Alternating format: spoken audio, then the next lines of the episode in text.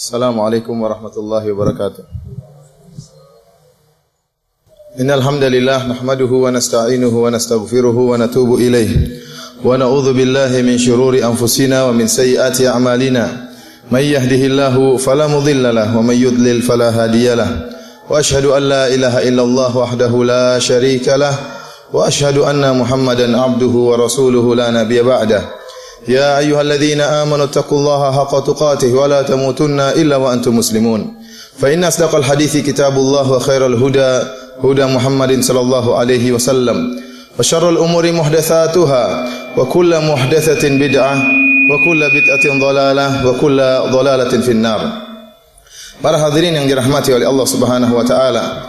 Sungguhnya di antara ibadah yang sangat agung yang merupakan ibadah hati adalah berhusnudzon kepada Allah Subhanahu wa taala, berbaik sangka kepada pencipta kita yang telah memberi rezeki kepada kita, yang telah memudahkan segala urusan kepada kita.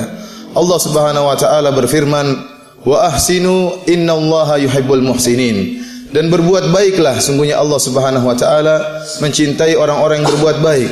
Ibnu Jarir At-Tabari rahimahullah dalam kitab tafsirnya menyebutkan riwayat dari Ikrimah menafsirkan ayat ini wa ahsinu ay ahsinu dzan billah. Berbuat baiklah yaitu berprasangkalah baik kepada Allah Subhanahu wa taala. Nabi sallallahu alaihi wasallam telah bersabda dalam hadisnya la yamutanna ahadukum illa huwa huwa yuhsinu yuhsinu dhanna billah. Janganlah sampai salah seorang dari kalian meninggal dunia kecuali dalam keadaan berbaik sangka kepada Allah Subhanahu wa taala. Dalam hadis qudsi Allah Subhanahu wa taala berfirman, "Ana inda dhanni 'abdi bi, falyadhun bi 'abdi ma Sungguhnya aku tergantung persangkaan hambaku. Oleh karenanya hambaku silakan dia berprasangka dengan apa yang dia mau terhadap diriku. In dhanna khairan falahu wa in dhanna syarran falahu. Jika dia berbaik sangka berupa kebaikan, maka kebaikan baginya. Wa in dhanna syarran jika dia berprasangka buruk, maka keburukan baginya.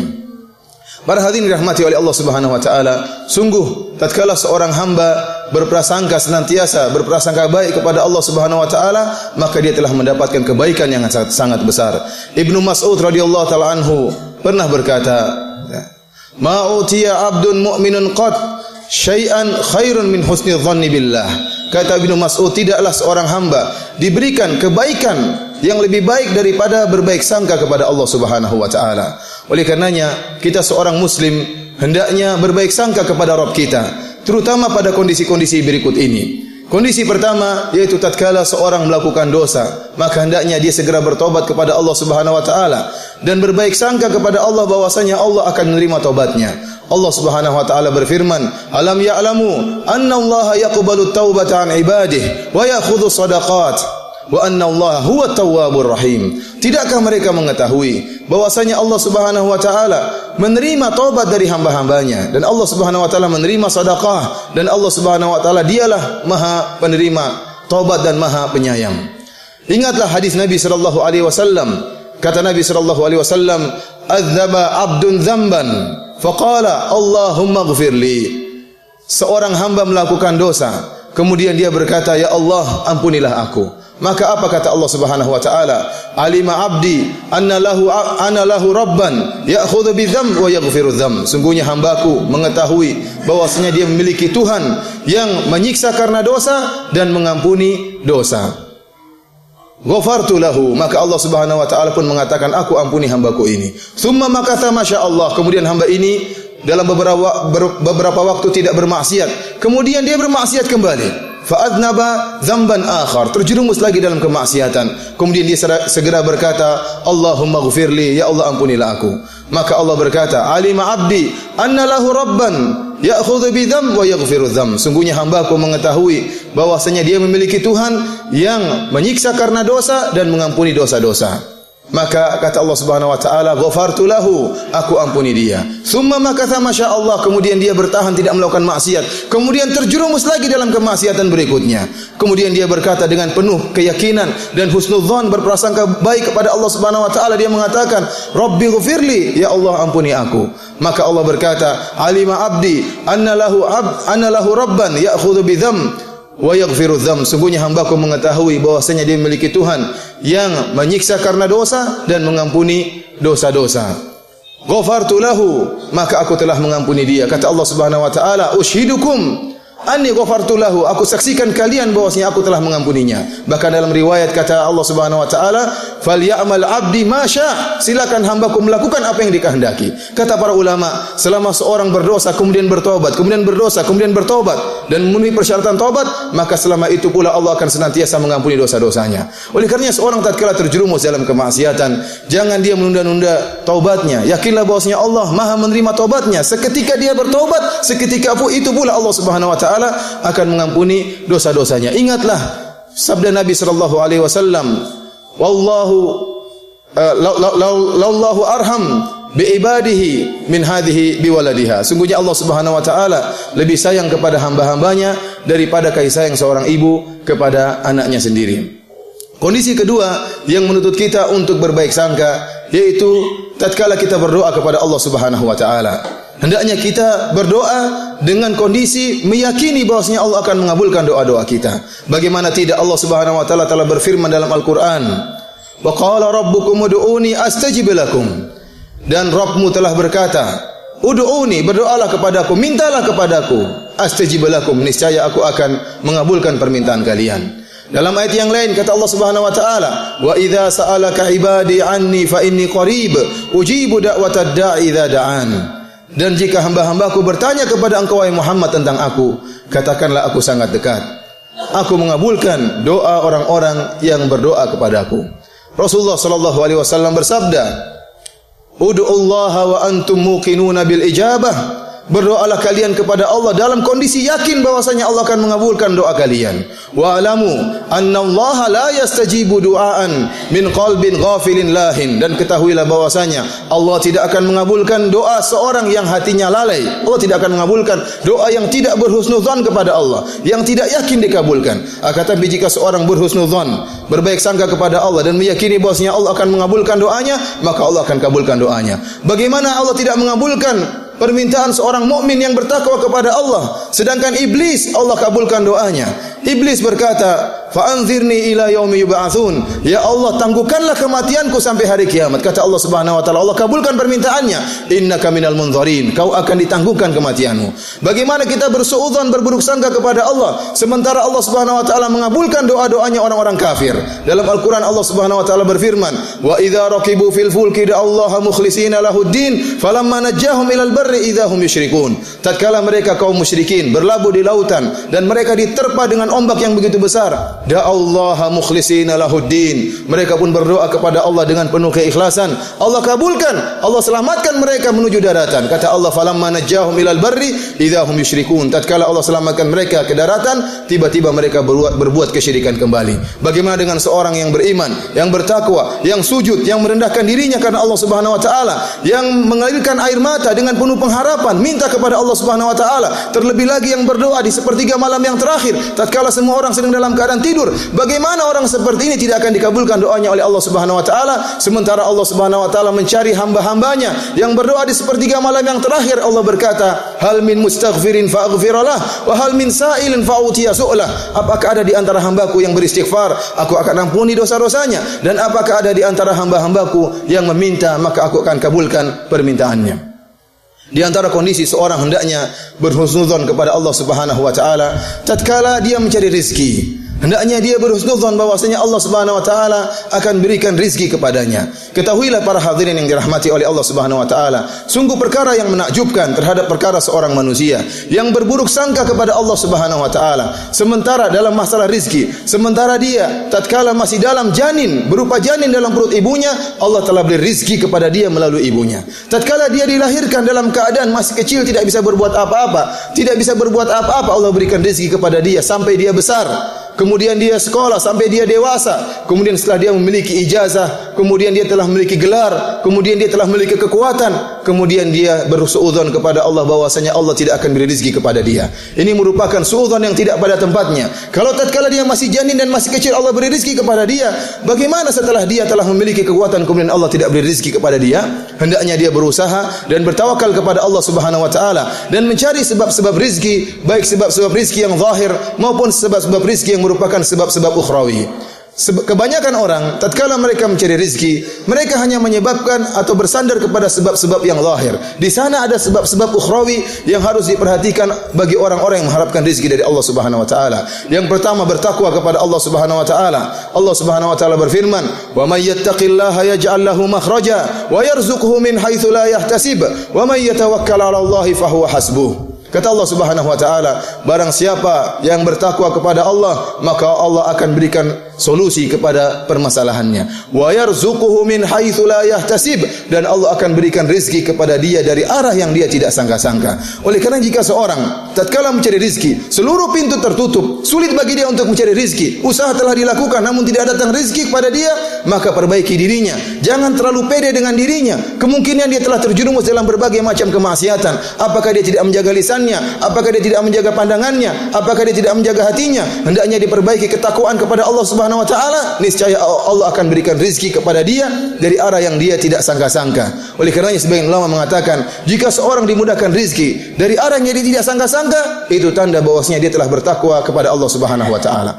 Di antara hal yang bisa mendatangkan adalah bersilaturahmi. Nabi sallallahu alaihi wasallam bersabda, "Man ahabba an yubsata lahu fi rizqihi wa yunassa fi atharihi" falyasil rahimah. Barang siapa yang ingin dilapangkan rezekinya dan ingin dipanjangkan umurnya, maka sambunglah silaturahmi. Yakinlah jika Anda menyambung silaturahmi, berikan hadiah kepada karib kerabat, terutama menyambung silaturahmi kepada ayah dan ibu, menyenangkan hati ayah, menyenangkan hati ibu, yakinlah bahwasanya segala kesuksesan akan mendatangi Anda tatkala Anda telah menyambung silaturahmi dengan orang yang paling berhak antum silaturahmi yaitu ibu antum atau ayah kedua orang tua antum. Para hadirin yang dirahmati oleh Allah Subhanahu wa taala, di antara hal yang memudahkan mendatangkan rizki adalah bersedekah. Kata Nabi sallallahu alaihi wasallam, "Ma naqasat shadaqatun min mali syai'a." Sungguhnya sedekah tidak akan mengurangi rizki sama sekali. Bahkan Allah Subhanahu wa taala berfirman dalam hadis qudsi, "Ya bena Adam, anfik unfik alaik." Wahai anak Adam, berinfaklah maka aku akan infak engkau. Semakin seorang bersedekah, yakinlah bahwasanya Allah akan menambahkan rezekinya. Bagaimana caranya? Urusan Allah Subhanahu wa taala. Para hadirin yang dirahmati oleh Allah Subhanahu wa taala, di antara kondisi yang sangat dituntut seorang untuk berhusnudzon kepada Allah dan ini kondisi yang sangat genting yaitu tatkala dia akan meninggal dunia. Dalam sahih Muslim Rasulullah SAW bersabda, "La yamutanna ahadukum illa wa huwa yuhsinu dhanna billah." Jangan sampai sekali, jangan sekali-sekali salah seorang dari kalian meninggal dunia kecuali dalam kondisi berhusnudzon kepada Allah Subhanahu wa taala. Tatkala dia akan meninggal dunia, maka hendaknya dia kuatkan sisi pengharapan dia kepada Allah. Ingat tentang janji Allah bahwasanya Allah Subhanahu wa taala memiliki sifat-sifat yang mulia. Allah adalah Al-Ghafur yang Maha Pengampun, Allah adalah Rahim, Ar-Rahman yang Maha Penyayang. Allah Subhanahu wa taala mengatakan dalam hadis qudsi, "Inna rahmati sabaqat ghadabi." Sungguhnya kasih sayangku mengungguli kemarahanku. Wa rahmati wasi'at kullasyai. Sungguhnya rahmatku meliputi segala sesuatu. Ingat janji Allah Subhanahu wa taala bahwasanya Allah Maha Pengampun dan lagi Maha Maha Penyayang. Seorang tatkala akan meninggal dunia, hendaknya dia menguatkan ya menguatkan sisi harapan dia kepada Allah Subhanahu wa taala karena Allah Subhanahu wa taala telah berfirman in dhanna khairan falahu. Dalam hadis qudsi kata Allah Subhanahu wa taala jika dia berprasangka baik maka bagi dia kebaikan. Wa in dhanna syarran falahu. Dan bagi jika dia berprasangka buruk maka dia akan mendapatkan keburukan tersebut. Akan tapi para hadirin yang dirahmati oleh Allah Subhanahu wa taala berhusnudzon kepada Allah tidaklah mudah terutama kepada orang-orang yang tergelimang dalam kemaksiatan. Hati-hati mereka akan terbungkus dengan warna hitam sehingga dia selalu seuzon kepada Allah Subhanahu wa taala. Dan begitu buruknya tatkala dia akan meninggal dunia dia tidak bisa berhusnudzon kepada Allah Subhanahu wa taala. Dia menyangka Allah akan menyiksanya. Dia menyangka Allah akan masukkan dalam neraka jahanam dan jika dia berprasangka buruk maka Allah akan bermuamalah menyikapi dia sesuai dengan persangkaannya. Aqulu qawli hadza wa astaghfirullah li wa lakum wa lisairil mu'minin innahu huwal ghafurur rahim. Alhamdulillah ala ihsani wa syukru lahu ala wa amtinanihi واشهد ان لا اله الا الله وحده لا شريك له تعظيما لشانه واشهد ان محمدا عبده ورسوله دا إلى رضوانه اللهم صل عليه وعلى اله واصحابه واخوانه Para hadirin yang dirahmati oleh Allah Subhanahu wa taala, di antara kondisi yang perlu juga agar kita berhusnudzan kepada Allah Subhanahu wa taala yaitu tatkala kita terkena musibah seorang mukmin yang bertakwa kepada Allah Subhanahu wa taala yang berusaha menjauhi kemaksiatan, berusaha menjauhi larangan-larangan Allah Subhanahu wa taala meskipun terkadang terjerumus dalam kemaksiatan, meskipun terkadang melanggar perintah Allah, tapi dia senantiasa berusaha untuk bertakwa kepada Allah. Jika kemudian dia telah berusaha, kemudian tiba musibah menimpanya, maka yakinlah bahwasanya apa yang dipilih Allah itulah yang terbaik. Apa yang dipilih Allah Allah kepadanya, yang ditetapkan Allah baginya adalah yang terbaik. Allah Subhanahu wa taala berfirman, "Wa asa an takrahu syai'an wa huwa khairul lakum." Bisa jadi kalian membenci sesuatu dan itu yang terbaik bagi kalian. Kemudian kata Allah, "Wallahu ya'lamu wa antum la ta'lamun." Allah yang mengetahui dan kalian tidak mengetahui. Allah yang menciptakan kita lebih mengetahui apa yang terbaik bagi kita yang lebih maslahat bagi kita. Seorang hamba boleh berangan-angan, seorang hamba boleh bercita-cita, punya punya harapan-harapan. Akan tapi terkadang keputusan Allah bertentangan dengan cita-citanya bertentangan dengan harapannya. Yakinlah bahwasanya apa yang diputuskan oleh Allah itu yang terbaik bagi dia di masa depan dia. Karena Allah lebih mengetahui tentang masa depannya dan Allah lebih mengetahui tentang kemaslahatannya. Bahkan terkadang kata Imam Ibnu Qayyim rahimahullah terkadang anugerah Allah turunkan dalam bentuk musibah. Terkadang anugerah Allah turunkan bagi seorang hamba dalam bentuk musibah. Dan Allah telah memberikan contoh dalam Al-Qur'an. Contoh yang pertama kisah Nabi Yusuf alaihissalam. Nabi Yusuf alaihissalam alaihissalam. Bagaimana dia bisa menjadi seorang al-aziz, seorang menteri yang mulia di negeri Mesir? Setelah melalui berbagai macam musibah, ternyata musibah-musibah yang datang beruntun tersebut merupakan anugerah dari Allah Subhanahu wa taala sehingga dia bisa menjadi seorang seorang menteri. Pertama, dia dipisahkan dari dari orang tuanya, dimasukkan ke dalam sumur dalam dalam keadaan masih kecil. Musibah pertama, dipisahkan dari orang tuanya. Kemudian setelah itu ada orang menemukan Nabi Yusuf dalam sumur, dikeluarkan, bukannya diselamatkan disuruh pulang ke rumah orang tuanya, ternyata dijadikan budak untuk dijual, musibah berikutnya. Kemudian setelah dia tinggal di Mesir, dirayu oleh permaisuri, akhirnya dituduh, dia pun dipenjara. Ini musibah berikutnya. Musibah berikutnya. Kemudian tatkala beliau di penjara datang dua orang minta untuk ditafsirkan mimpinya. Kemudian salah satunya ditafsirkan akan dibunuh, salah satunya ditafsirkan oleh Nabi Yusuf akan selamat. Allah Subhanahu wa taala berfirman, "Wa qala lil ladzi dhanna annahu najim minhuma udhkurni 'inda rabbik."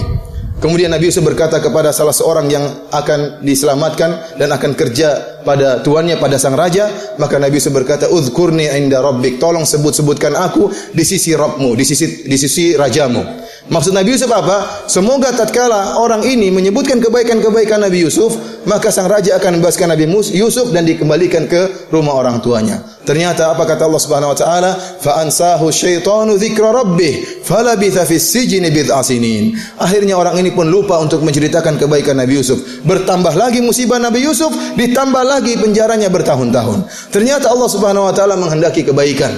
Allah menghendaki Nabi Yusuf menafsirkan mimpi sang raja. Sampai akhirnya Nabi Yusuf di penjara bertahun-tahun bertambah lagi waktu waktu penjara sampai sang raja yang bermimpi, "Inni ara sab'a baqaratin simanin ya'kuluhunna sab'un ijaf wa sab'a subulatin khudrin wa ukhra yabisat." Kemudian dia bermimpi, "Ya Yusuf, saya telah melihat ada tujuh ekor sapi yang gemuk dimakan oleh tujuh, tujuh, tujuh ekor sapi yang yang kurus dan selanjutnya." Maka tatkala itu Wadakara ba'da ummatin. Ternyata orang yang diselamatkan atau ditafsirkan mimpinya oleh Nabi Yusuf baru ingat tentang Nabi Yusuf seorang penafsir mimpi. Baru kemudian dihadirkan Nabi Yusuf untuk menafsirkan menafsirkan mimpi sang raja. Tatkala itu nampaklah kemuliaan Nabi Yusuf alaihissalam. Akhirnya Nabi Yusuf diangkat menjadi seorang menteri. Lihatlah bagaimana kemuliaan anugerah yang Allah berikan kepada Nabi Yusuf ternyata datang melalui berbagai macam musibah musibah-musibah yang datang beruntun menimpa Nabi Yusuf ternyata di balik musibah bertahun-tahun tersebut adalah karunia dan anugerah yang luar biasa beliau diangkat menjadi seorang menteri.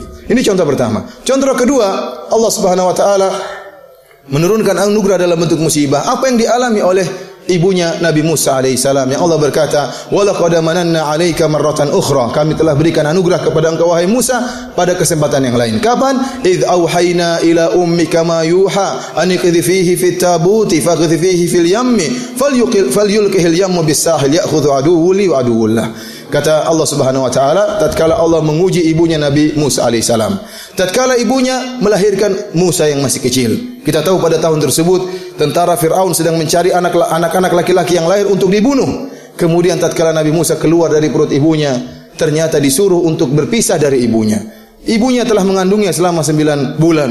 Kemudian mengharapkan kehadiran sang kecil Musa. Begitu lahir harus terpisah. Kata Allah masukkanlah ke dalam keranjang. Maka dimasukkan dalam keranjang. Kemudian dilepaskan di sungai Nil. Sungai yang begitu besar yang ada gelombangnya. Mungkin ada buayanya. Namun dia bertawakal kepada Allah subhanahu wa ta'ala. Setelah dia mengerjakan itu semua. Urusan selanjutnya urusan Allah subhanahu wa ta'ala. Allah yang mengatur apa yang terjadi dengan si kecil Musa alaihissalam. Ternyata kata Allah subhanahu wa ta'ala. Faltaqatahu alu fir'auna liyakuna lahum aduwa wa hazana. Ternyata keranjang tersebut melewati kerajaan Fir'aun. Akhirnya keranjang tersebut tersebut yang berisi Nabi Musa yang masih kecil diambil oleh istri Firaun dan ternyata Allah telah mengatur mentakdirkan istrinya Firaun tidak punya anak maka kemudian dia pun jatuh cinta kepada Nabi Musa alaihissalam paling ini bayi Bani Israel Akhirnya pasang suami Fir'aun yang sedang mencari bayi untuk dibunuh kalah dengan istrinya yang cinta kepada Nabi Musa tersebut si kecil Musa tadi. Akhirnya Fir'aun pun merawat Nabi Musa alaihissalam. Ya, akhirnya apa? Musa alaihissalam dirawat, dipelihara di kerajaan Fir'aun bahkan menjadi anak angkat Fir'aun. Akhirnya apa? Begitu Nabi Musa dirawat di kerajaan Fir'aun, maka Fir'aun sibuk mencarikan wanita yang bisa menyusui si kecil Musa. Ternyata tidak ada yang mau.